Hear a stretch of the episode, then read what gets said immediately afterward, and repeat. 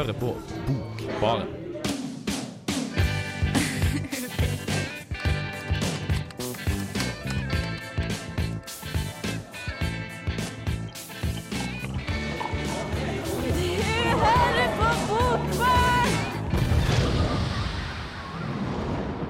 Ja, god kveld, kjære lytter. Det er tirsdag kveld, og klokka er åtte, og du hører selvfølgelig på Bokbarn. Og med meg i studio så har jeg hos Siri, Halla. Truls Hallo. og Johannes. Hallo. Og sjøl heter jeg Emma. Og I forrige uke så snakka vi om Nobelprisen i litteratur, og da spekulerte vi hvem som kom til å vinne denne gjeve prisen. Eh, Men det var jo ingen av våre forhåndsfavoritter som vant prisen, for det var en britisk forfatter som heter Katsuo Ishiguro. Hva syns dere om det? Nei, altså, hvis du spurte meg nå i dag, ei uke etterpå, så hadde ikke jeg greid å huske navnet. Jeg hadde aldri hørt om han før. jeg. For min del. Ja, nei, jeg og Kazuo Ishiguro er vel egentlig den korrekte uttalelsen på det her. da. Men jeg, jeg, jeg kan fortelle deg, for de, de delte ut denne her ferdig torsdag klokka ett. Eh, og jeg er læringsassistent, så jeg hadde gruppetimeundervisning da. Så jeg spurte elever er det greit vi slutter et par minutter før ett i dag, og så skal jeg liksom streame det her da, på storskjerm. Så vi og, jeg og studenter kunne se dette her. Det blir stemning, liksom. Tenker jeg. ja, ja. Bare, det, og jeg hypa det, og jeg, for jeg gleda meg så fælt. Og så kommer hun dama fra svenske akademi inn, og så bare 'Svenske akademien, eh, bla, bla, bla, Nobelpriset i litteratur', Kazuo Ishiguro. Og jeg, jeg måpa, for jeg hadde ikke forventet å høre det navnet i det hele tatt. Var du litt sånn bråkjekk overfor studentene og sa sånn uh, Murakami kommer til å vinne? Ah, Murakami eller Adonis. Nei, nei, jeg hadde name-droppa Du sa du gjorde det, og så så du dum ut da når du ikke Ja. Ja, Visste du hvem det var, da? Ja, så jeg har hørt navnet i forbindelse med science fiction tidligere, men vi har, jeg har ikke lest noe den. Mm, Ja, så du ble bare utrolig sånn eh, oh ja, OK. Fordi, fordi det var det som var reaksjonen min når jeg plutselig så det, for jeg trodde at det skulle bli annonsert senere. Ja. Og så så jeg plutselig at det var liksom på VG, bare at det var Ishiguro, og da bare tenkte jeg sånn Å ja. Det var jo ganske antiklimaktisk, da. Og det hadde jo ingen av oss forventa, antar jeg. Mega antiklimaks. Ja. Ja, Johannes, har du hørt om forfatteren før, eller? Nei, jeg har ikke hørt om han og ikke lest noe om han. Og vi hadde jo spekulert i det vide og brede den forrige sendinga, så jeg trodde i hvert fall det skulle bli én av dem vi hadde vært innom og nevnt, i hvert fall, men nei da. De greide å lure oss i år òg. Sjokkerer igjen, ass. Ja. Igjen. Tror de gjør det med vilje.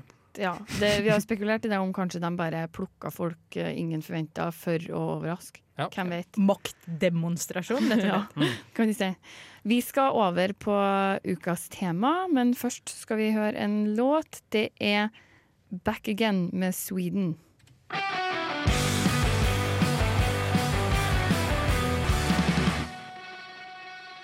Ja, hallo, ja, du. Trondheims eh, vakre fjell og Nidelv Det er Tore Renberg her. Dette er studentradioen i Trondheim. Og du er jævlig heldig som hører på den.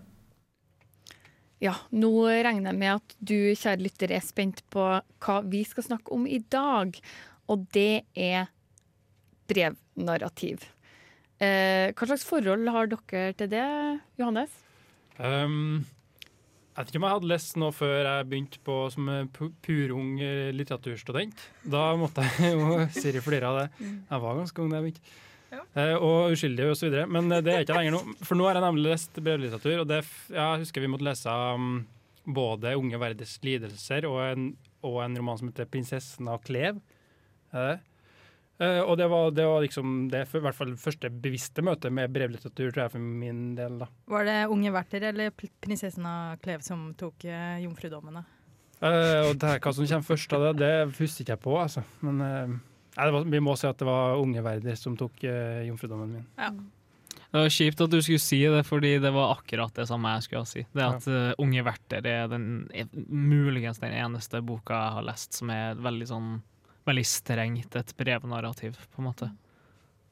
Så Ja, jeg òg har jo vært ikke fullt så opp pur ung på litteraturstudiet, men jeg har eh, på et tidspunkt da blitt familiær, intim med, med brevromansjangeren, og det var gjennom da Choderlos de Laclos sin eh, farlige forbindelser, faktisk, som er eh, som er kanskje en av de mest kjente og største i hvert fall franske brevromanene. da, Og, og utrolig spennende og god, faktisk.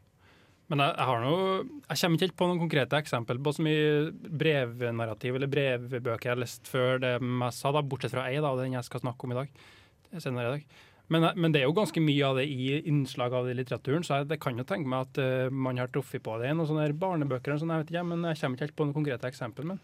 Ja, en av de, eh, de bøkene som jeg har truffet på eh, som nordist, det er jo Amtmannens døtre. Som er den, Ja, den har, har mye brev som, som, er i altså i selve romanen. Det er et narrativ rundt, og så er det brev i tillegg da, som blir sendt. Jeg skulle bare kommentere det at for øvrig eneste jeg tror jeg har lest av slags brevnarrativ, kan egentlig bare være sånn samlede dikteraktige Eller ikke samlede dikter, men samlede brev, selvsagt, av uh, mer sånn historiske, slags biografiske personer her og der, sånn som van Gogh, da, særlig. Mm. Ja, for det vi kan jo Altså, brevromansjangeren er, eh, den er veldig, veldig populær på 1700-tallet og 1800-tallet. Eh, og så det er skrevet enormt mye brev, brevnarrativ, egentlig, og, og, særlig historisk sett. Da. Og det handler jo veldig mye om at det eh, dette er en, en, form forut for romanen. Vi kjenner jo romanen i dag som en form som gir mulighet til introspeksjon. Det her er jeg-fortelleren som forteller om sitt liv, sine opplevelser og sine tanker og refleksjoner og rett og slett følelser. Da. Men eh, før den moderne romanen oppsto på 1800-tallet, så hadde vi ikke den muligheten til det innblikket i, eh, i, menneskets syke. Da. Og da var brevromanen og brevet hadde da, eh, ga den muligheten til å skrive ifra den jeg, det jeg-perspektivet og, og utgi de tinga. Mm. Og sånn Rent praktisk så hadde jo med nyvinninger i samfunnet på den tida å gjøre. Hadde ikke at postvesen og sånn ble utvikla. Folk mm. driver og skrev brev til hverandre, faktisk. Ja. Så det er kanskje grunnen til at det ikke skrives så mye brevromaner lenger nå. da, At det er kanskje ikke så mange som sitter og skriver brev. Jeg tror uh, Ragnar Hovland skrev vel en uh, gav som bok med sånne e-poster som han hadde sendt til folk. Ja, Det er så, litt mer moderne. Det er moderne. Det er veldig moderne. Ja, Siri, hva er det du har uh, lest til i dag, da? Du, jeg har lest litt diverse. Uh, jeg er jo enormt glad i Carl Frode Tillers innsirkningstriologi, som jeg mener liksom det her er det beste som er utgitt i Norge de siste 20 åra. Fuck you, Knausgård. Uh, så jeg har Jeg tenkte at jeg skulle prate litt om den, sammen med Johannes, som òg har lest Tiller. Og så tenkte jeg at jeg skulle bare fortelle litt om det kjennskapet jeg har stiftet med Olav H. Hauge og Bodil Cappelen gjennom deres brevsamling. Enn du, Truls? Eh, jeg har tatt for meg John Williams sin eh, andre av fire bøker. Som da, det er da Stoner-forfatteren. Så det her er da hans eh, historiske, biografiske bok 'Augustus'. Ja, og sjøl så har jeg lest svar på brev fra Hel Helga av en islandsk forfatter, som vi skal snakke mer om senere. Men først ei låt. Det er Hanne Kolstø med 'Evig alene'. Ja, i dag så snakka vi om eh, brevnarrativ. Og du, Truls, du har lest 'Augustus' av John Williams til i dag. Hva har du å si om den? Jo da, eh, så, sånn som produsenten så fint sa før vi kom på, så når man hører John Williams, så tenker man jo kanskje komponisten av Star Wars og Indiana Jones, men det her er jo forfatteren som er, har vel i nyere tid blitt kjent for relanseringen av bøkene sine, som da er Stoner, den boka som jeg tar for meg, Augustus, og jeg har glemt den siste. Det er Butchers, Butchers Bay, tror jeg den heter. Uh, ja, så uh, Augustus, da, den uh, tar for seg da keiser Augustus sin Det er en slags biografi, men den er skrevet som, brev, som et brevnarrativ men i mer moderne slags stil, så den har også innslag av nedtegnelser, dikt og fragment av dokumenter og brev. da. Så det her er jo for å fortelle historien om den største, den mest innflytelsesrike keiseren i Romerriket, eh, Augustus, eller Oktavian som han egentlig het. Og han er da den som skaper det som eh, for historiestudenter heter Pax Romana, som er romerfreden. Som er hovedsakelig den mest fredfulle perioden i det romerske riket som er etter Julius Cæsar. Hvem er det som forfatter brevene og fragmentene sånn i boka? her? Er det, er det Augustus sjøl? Det er masse forskjellige folk, og det er Augustus, og det er hans bestevenner. Det er mange historiske karakterer, og det er skikkelig, skikkelig godtepose for folk som er interessert i historie her. Det er blant annet eh, en av de største dikterne noensinne, Vergil, som da er kjent for å være fellekompanjongen til Dante gjennom helvete i Den guddommelige komedien. Og Marcus Agrippa og Marcus Antonius og retorikeren Cicero. Og um, boka her starter uh, rett før Julius Cæsar blir drept. Og i kjølvannet av hans attentat så er det jo et borgerkrig i Roma, der hvor Augustus, som er hans uh, etterfølger Han er adoptivungen hans, egentlig, men han blir da sagt til å være etterfølger. Må da konkurrere imot både konspiratørene som sto bak drapet på Julius Cæsar, men også mot Marcus Antonius, som egentlig er den mest eh, mektige personen i Roma på det her tidspunktet. Og det som denne boka gjør så utrolig interessant, er det at John Williams har sett hva brevromanen gjør for noe. Det at den, sånn som ble nevnt tidligere, den, det er en veldig effektiv og en veldig slags kortfatta måte å putte deg inn i jeg-perspektivet på.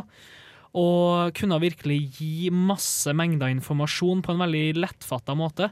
Og sette deg inn i synet på de her romerne og det politiske systemet og det makt maktkampet de hadde mellom seg, og utrolig interessant, da. Og spesielt det at han tar for seg at det handler mye også om Augustus sitt forhold til datteren sin, Julia.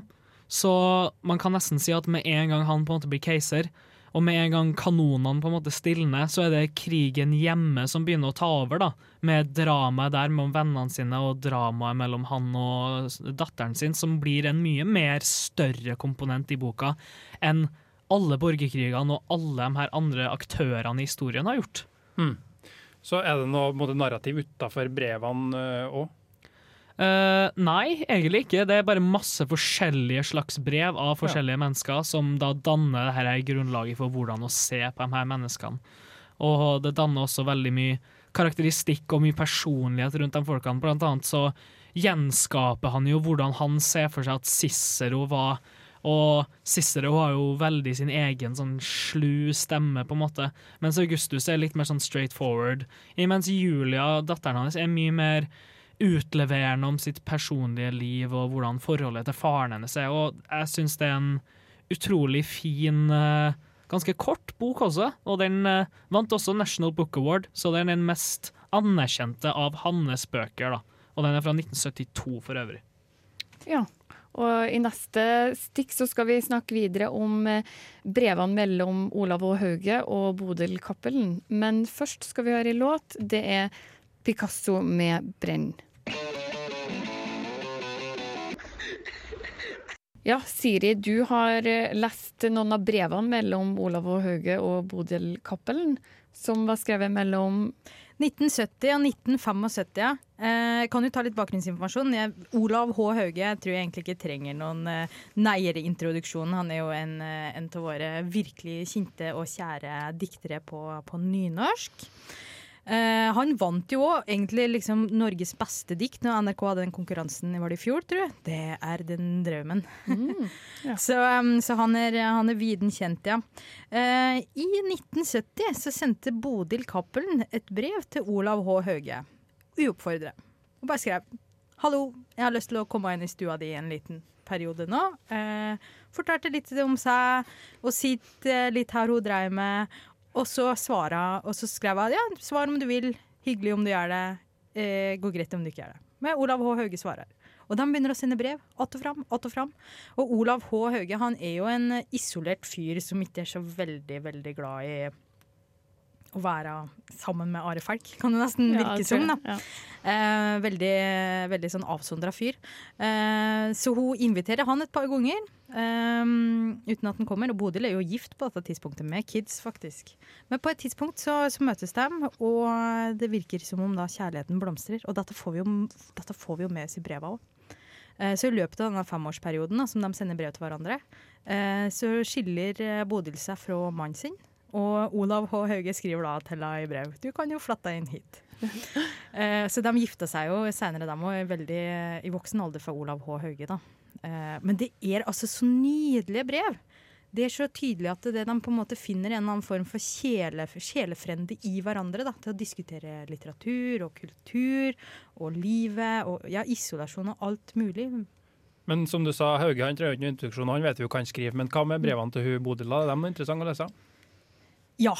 Hun, eh, hun var en del av den her litt her skal si, kulturelle eliten òg. Hun eh, vevde tepper, så hun var, eh, hadde flere utstillinger på Høstutstillinga eller på og slike ting. Også, også omgangsvenn med Rolf Jacobsen og greier. Så hun har skikkelig peiling på litteratur. Og det er der de møtes, da virkelig, i, den her, i sjiktet mellom litteratur, og anbefaler lesninger til hverandre. Og leser og diskuterer det. Så det er liksom det er real time 1970-litteratur og det her. da. Så her kan man nå finne en del litteratur gjennom dem, da, og de Ja. samtaler. Ja. Absolutt. ja, spennende. Vi skal høre ei låt. Det er Cezinando med 'Ingenting blir det samme, men samme for meg'. Og pappaen min var utelivskonge, jeg visste gaven Hei, det er Pedro Carmona Alvarez. Du hører på Bokbaren på Radio Revolt. Ja, velkommen tilbake, kjære lytter. Du hører på Bokbaren, og i studio så har jeg han Johannes. Hallais. Ja, jeg må bare si at eh, jeg må bryte inn og si at eh, alle må, lytterne må gå inn på Facebook eh, på Bokbarn sin side og like bildet som Siri har laga med seg sjøl, med postcaps. Siri jobba nemlig i postvesenet før, og hun har på seg postdrakten sin her i studio nå. For å, for å si det, en spesiell forkjærlighet for brev, har du ikke det, Siri? Jo, jeg har det, jeg har det absolutt. Men eh, jeg må si det, jeg har ikke laga det bildet til meg med postlua. Det er et faktisk bilde til meg med postlua, men jeg har laga et bilde til å dø, alle sammen med postluer. Ja. Så det er verdt å, å gå inn og se. Det er samme, et og samme bilde, så det er bare et, et bilde du trenger å se, kjære lytter. Men gå inn og, og sjekk det ut. Ja, Veldig det fint, vakkert. veldig artig. Og en Ja. kjempeinteressant litterær samtale vi hadde nå. Og eh, Johannes, du har lest eh, Carl Frode Tillers innsirkling til i dag. Det har for så vidt du òg, Siri. Siri kom meg litt i forkjøper i stad. Sa det var det beste en, Nei, sa du en av, eller den beste, det beste bøkene som gikk ut i Norge de siste 20 årene? Ja, jeg sa vel det, ja. Altså, jeg kunne ikke vært mer enig. Nei. Det var noe sånt jeg tenkte å si. Jeg syns de er utrolig bra. La nå bare det være sagt. Ja. ja. Vi kan si litt om hva det her handler om. da. Carl Frode Tiller han begynte å gi ut den første innsirklingboka. Det er en trilogi som nå har alle tre bøkene kommet ut av. Den første boka kom i 2007. Det handler kort fortalt om David som har mista hukommelsen sin, får vi vite i den første boka. Og så har det blitt uh, satt inn en avisannonse i flere forskjellige aviser der det er et bilde av en, og med teksten 'Den mannen her har mista hukommelsen sin. Kan du sende inn brev til han og hjelpe han med å få, få tilbake livet sitt, egentlig. Få tilbake hukommelsen sin. Så det vi møter da, er jo kjentfolk av David, som ulike folk, som sender inn brev og forteller han om sine relasjoner, seg sjøl, forholdet sitt til han, osv. Ja, for det er jo venner fra ungdomstida og, og familie som skriver inn, og da følger du dem. De forteller på en måte i retrospekt da, dette her om oppveksten til David på Namsos på 1980-tallet. Og så forteller de, eller så følger vi dem òg i nåtid. Så det er både brev og på en måte vanlig sånn narrativ. da. Kombinasjon der. Så vi følger dem i nåtid, eh, inni huet deres, i sine menneskelige interaksjoner i dag. Og hvordan de da skriver til David om, om, eh, om denne oppveksten og deres relasjoner tidligere. da. Så det er også en slags kollektivroman, liksom? Eller? Ja, gjelder det Nja, det handler jo Det prøver jo å sirkle inn David, da, men du får jo med deg de disse perspektivene òg. Så det ja, et godt spørsmål. Jeg vet ikke helt definisjonen på hva en kollektivroman men jeg hadde hvert notert meg at en slags generasjonsfortelling. hvert fall, For at det går som du ser, Siri, det går det tilbake til barndommen til dem. folkene. her, Så i stor grad så vil jeg si at det, det handler om den generasjonen som er ja, hva vet jeg, hvordan man regner generasjoner. Men før oss, da, Carl Frode Tiller er jo født selv i 1970, og det er jo hans generasjon som du sa, Siri, som vokser opp på ø, 80 og blir voksen på 90-tallet det handler om. Ja, det er jo det. Og David er jo David studerer for litteraturvitenskap på, på 90-tallet på Dragvoll. Skriver for RIS, tidsskrift for språk og litteratur, og henger på 3B, for 3B var kult på, på 90-tallet. er Som i dag. Som i dag. Men jeg bare, det som er så forbanna godt med denne romanen, her, er at det den så tydelig viser fram hvordan identitet konstrueres. For det er jo det som på en måte er et av de viktigste temaene her, nettopp identitet. Og ved å følge folk gjennom jeg-pennen sin da, i de breva, og ved å følge dem i nåtid, så får du på en måte se den her dobbeltheten i iscenesettelsen deres. Mm, det, er helt, det er godt sagt, det er helt enig med. og Det var det som gjorde så vanvittig inntrykk av da jeg først leste de bøkene her på videregående, at liksom ulike framstillinger og ulike perspektiv på, på, på David da, fra ulike folk, de er helt forskjellige. De oppfattes, oppfatter han forskjellig. Og de oppfatter, for ofte så kjenner de folkene som sender med hverandre òg, og oppfatter hverandre helt forskjellig. Ja, det er akkurat det. Så du viser fram på en måte hvordan den herre eh, skyggesidene til kommunikasjon, da, og hvordan det kan, eh, kan være så, så, utrolig vanskelig å faktisk kommunisere gjennomsiktig og få fram det en ønsker. Da. Og det er så sårt. Ja. Gjort, det er floskelen 'psykologisk mester' jeg har blitt brukt ja. på tidligere, men ja. det stemmer bra. altså. I tillegg vil jeg nevne at han er en sånn skriver en veldig sånn realistisk eh, tradisjon, en veldig realistisk eh, romansjanger. Og eh, jeg og du Siri, var jo og hang med Jan Kristoffer Dale på hans arrangement før vekka, og han snakka om viktigheten av å på en måte fortelle arbeidsfolk og sine historier. da, mm. Roman, Romaner fra deres liv. Og det vil jeg absolutt si at i den kategorien er Tiller òg. For her finner du folk fra alle slags mulige sosiale lag, både middelklasse og godt utdanna folk, sånn som David blir, da, men òg mange av dem kommer jo fra liksom de kommer fra landsbygda i Trøndelag, i Namdalen der, og, og det er en del trygde, trygda folk og kriminelle, og det er alt mulig, egentlig. Så det vil jeg si at han gjør en god jobb med. Ja, jeg vil bare si det. Eh, har du ikke lest Tiller ennå, så plukk opp Innsirklingstriologien. Det er tre bøker du ikke kommer til å angre på at du har lest. Ja, det var ei oppfordring fra Siri før vi hører låt. Det er Green Screen Holiday med Flake. Ja, velkommen tilbake, kjære lytter. Du hører på Bokbarn, og i dag så snakker vi om brevnarrativ. Og til i dag så har jeg lest ei bok som heter 'Svar på brev fra helga' av Bergsvein Birgisson.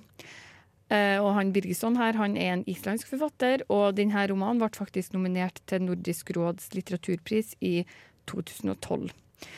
Og eh, i Svar på brev fra helga så er, møter vi egentlig et langt brev, det, et 100 sider langt brev, eh, fra han sauebonden Bjarne, som skriver eh, til eh, sin ungdomskjærlighet eh, Helga. Og hun, er, hun var nabokona på nabogården eh, til han eh, Bjarne, og han har hele livet gått og tenkt på henne etter at de hadde noen eh, år med heftig romanse på 40-tallet.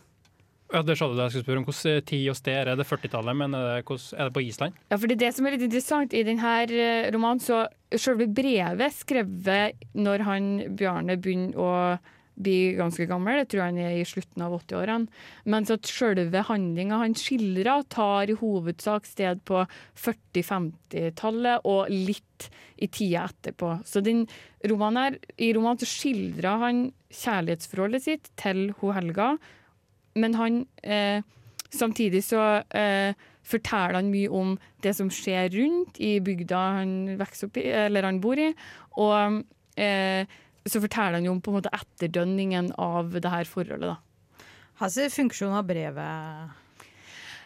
Eh, det som er veldig fint Jeg tenkte litt på det, bare kunne den romanen der vært skrevet uten at den var i brevform. Men det som for, for, det er jo bare ett langt brev, så sånn sett så kunne man jo bare droppa brevform, men kanskje tenkt det først. Men det, den funksjonen det utgjør, er jo at han er jo på sine eldre dager når han skriver det her brevet. Og jeg syns at det symboliserer veldig den her det er veldig sterke inntrykket Helga her har gjort på han, og den veldig sterke kjærligheten de har hatt når han i en alder av 88 eller noe sånt setter seg ned og skriver et 100 sider langt brev til sin elskede Helga. Da. Så, så er det her noe han har gått og tenkt på hele livet, og nå er hans kone død. Uh, og han finner endelig roa til å skrive et uh, brev tilbake til Helga. Og altså, han skriver et brev tilbake til henne som er på 100 sider. Ja. Så, men uh, ender boka med noe slags uh, Er det han som på en måte da leverer brevet, eller er det, er det ikke noe svar fra Helga eller noen ting? Altså, Boka er kun et brev, og det du får vite er at hun har sendt et brev ganske mange år etter at de hadde denne romansen, som han aldri svarte på av Og det, det virka som at det var det var kanskje ikke heller meninga at han skulle svare på det, det var bare en bekreftelse på at hun hadde han i tankene. Og så skriver han det her brevet, og du vet, sånn som det kommer fram, så vet vi egentlig ikke Altså, de er jo begge gamle folk, så vi vet egentlig ikke engang om om begge, altså om hun lever lenger. Så det virka nesten som det handla mest om å få fortært historien og fortært eh, eh, hvordan han har følt det for henne hele livet. Han har gått og båret på det her i, i titalls år. da. Jeg tenker på det du sa om at uh, om det kunne vært fortalt i en annen form enn med brev. Men det er også, jeg tenker sånn at uh, brevformen har noen konnotasjoner til seg, litt som jeg vært inne på tidligere. I, i tidligere boka var det sånn, der man på en måte det åpner veldig for sånn uh, sjølbiografiske refleksjoner, noe nærmest sånn biografisk eller memoaraktig, der man kan gå tilbake og reflektere over episoder. Det kan man jo så klart i en annen tekst òg, men jeg tenker at det er noe med brev som åpner veldig for det. da, Som er sånn, Ja. eh, åpner for refleksjoner og sånn her essayistisk, nærmest. Ja, for det som er veldig fint her, er at han forteller jo hele historien, som for så vidt jo Helge òg kjente til, men han gjør det fra si side og fortelle hvordan han opplevde ting.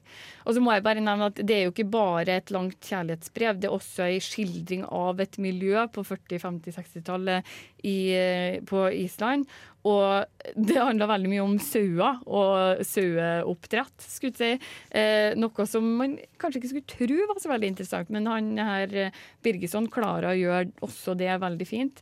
Og så er det liksom ispedd en del litt sånn nærmest vulgære skildringer av diverse sykdommer og dø dødsfall og eh, ja, diverse. Så det er liksom god blanding mellom erotikk og litt mer på det vulgære sida. Det er jo Dag Solstads kjennetegn på god litteratur. Det. Hvis du kan greie å gjøre noe som egentlig er totalt uinteressant, spennende i litteraturen, så Ja. tommel opp. Ja, det kan du si. Ja, for da tenkte jeg Hassi er språket i boka. Jo, det er òg litt interessant. Det her er jo oversatt fra islandsk, og det er et ekstremt arkaisk nynorsk. Eh, måtte sette med ordbok å og slå på. Jeg vil påstå at jeg har ganske god styr på nynorsken min. Så jeg fikk eh, Det tok faktisk ganske lang tid å komme gjennom, men den var absolutt verdt det. Nå tror jeg vi skal høre en eh, låt, 'Blue Dream' av Black Pistol Fire, og så etterpå så skal vi høre ukas dikt.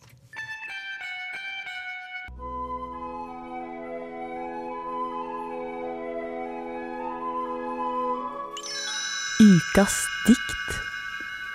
Jeg vil ikke skrive til deg. Noen ganger tenker jeg at du har fått barn, og det gjør meg trist at du ikke forteller om det. Du og jeg pleide å gå sammen mellom fotballbanene, den har grus utenfor mitt vindu, og den har gress utenfor ditt. Første gang vi traff hverandre i det der røykerommet, så du opp på meg og sa, tror du noen merker det om jeg stikker? Vi holder hverandre i hendene i taxien. Du sa at dersom jeg begynte å tvile, skulle jeg ringe til deg, og så skulle du lese for meg i telefonen. En gang sendte jeg en SMS til deg som skulle til en annen. Aldri har du svart så glad eller raskt. Forsto at jeg i lang tid hadde pratet til deg i feil toneleie. Ville heller ikke prate med deg på andre måter. Det virker som om du vet alt om brev. Når jeg hører på deg, skriver jeg. Iblant tenker jeg at du ikke tar på meg på grunn av respekt, eller at jeg har mislyktes fullstendig. Så ofte det viser seg i etterkant at mitt selvbilde er ukorrekt. Jeg vil at du skal ta på meg. Det er et kyskt spørsmål. Når jeg kjører til deg, tror jeg alltid at jeg har kjørt for langt. Etter begravelsen legger du armen rundt meg på rutine. Det er rart, etter all den tid som har gått. Ja, det var to dikt fra eh, Ida Linde sin 29 usendte brev, eh, som er en, eh, en boksingel fra Flamme forlag. Eh, hva syns dere? Jeg syns, eh, jeg syns det er noen fine poetiske skildringer der, eh, som er litt sånn tankevekkende. Men jeg, jeg vet ikke om jeg ville kalt det dikt, da, etter å ha bladd litt Nei. inn. Jeg tror kanskje det er mer sånn eh, enkeltstående stående refleksjoner og kanskje Ja. Jeg tenkte at det hørtes prosaaktig Ja, ut, men Det, det stemmer nok litt. Og det, jeg kan si at det her er en veldig Ja, en bitte liten boksingel som er 29 sider lang. Og, og, så det inntrykket får at hvert av hver av sidene utgjør ett brev, da, på en måte, eller en, en refleksjon, eller hva du, hva du vil kalle det. Eh, Jeg må si at jeg liker veldig godt den der første, I det første brevet så er det en del hvor hun sier noe om at hun, hun sender en SMS som skulle til noen andre, og da fikk, får hun så, så kjapt eh, svar. Og det har jo litt med brevet å gjøre òg, men det er med at man velger en tone for, for bestemte mennesker, og det kjente jeg meg veldig igjen i, og det likte jeg veldig godt. Men det jeg merket at i begge de her utdragene også blir på en måte det her med kommunikasjon eller mangel på kommunikasjon blir jo tematisert da, som, eh, som en greie. Den der, eh, Hver gang jeg kjører til deg, så tror jeg alltid jeg har kjørt for langt. Og det handler jo på en måte om å pushe fær langt, slik at du overskrider de grensene eller rammene som nødvendigvis er satt. da. Og den kommunikasjonsbiten handler jo om at der har du på en måte satt en, en viss eh, form for å kommunisere med hverandre. Og idet den brytes, så, så oppstår det noe nytt. da. Det er kanskje en teit sammenligning, men det minte meg litt om Morrissey-tekst for en eller annen grunn. Fordi eh, jeg la merke til at eh, jeg trodde at det var en gutt, eller en mann, som var liksom eh, førstepersonsvinklinga. Mm. Så jeg la ikke merke til hvilket kjønn det var. Og det er liksom noe man ser igjen i den typen tekst av Morrissey. Men ja. ja. Kanskje ikke så viktig heller, hvem det. Ja. Nei. Vi skal høre låt. Det er Jonas Ledang med 'Forever's Gone'. Ja, denne sendinga har vi prata om eh, brevnarrativ. Eh, Siri, vil du si noe om eh, hva slags rolle brevet har i Carl Frode Tillers sine innsirklingsbøker? Innsirklingstrilogien. Jo, brevet der fungerer som forutsetning for at denne identitetskonstruksjonen skal få ses ifra både på en måte denne iscenesettelsen av seg sjøl, og, og det her planet der vi følger dem i nåtid og følger dem i alle sine kløninger. Da. Men det, også, det blir òg den viktigste forutsetningen for at vi får sirkle oss inn rundt David. Da. Mm. Så, så det er, ja, som tittelen sier, da. Det er innsirkling. Truls, eh, har du noen tanker om brevromanen? Uh, ja, jeg, jeg syns bare generelt at det er interessant hvordan uh, brevroman i det hele tatt i utgangspunktet fungerer allerede som en slags litterær teknikk i, før man har skrevet en eneste setning, fordi leseren legger gjerne sin egen affeksjon inn i hva brevet betyr for den personen, og hvordan man på en måte ser på brevet som slags uh, medie i seg sjøl, da. Ja. Og i den her såre romanen til han Bergsvin Birgesson, så syns jeg brevet fungerer som en forutsetning for at han kan for fortelle det han forteller, i det hele tatt. Snakka om tidligere i dag at eh, brevromanen kanskje ikke er så populær som den var på 1600-tallet, som du sa, Siri. Men, veldig- 1700. 1700. men eh, at Karl Frode tidligere har fått til det i dag, syns jeg vitner om at han er ganske kreativ. Det får bli siste salgsargument for han, da, men også han, han er kreativ og flink på alle vis. Ja. Og neste sending så skal vi snakke om eh, høstens nyutgivelser. Eh, takk til Siri, Truls og Johannes, og takk til tekniker eh, Mathias. Jeg heter Emma, og vi høres neste tirsdag.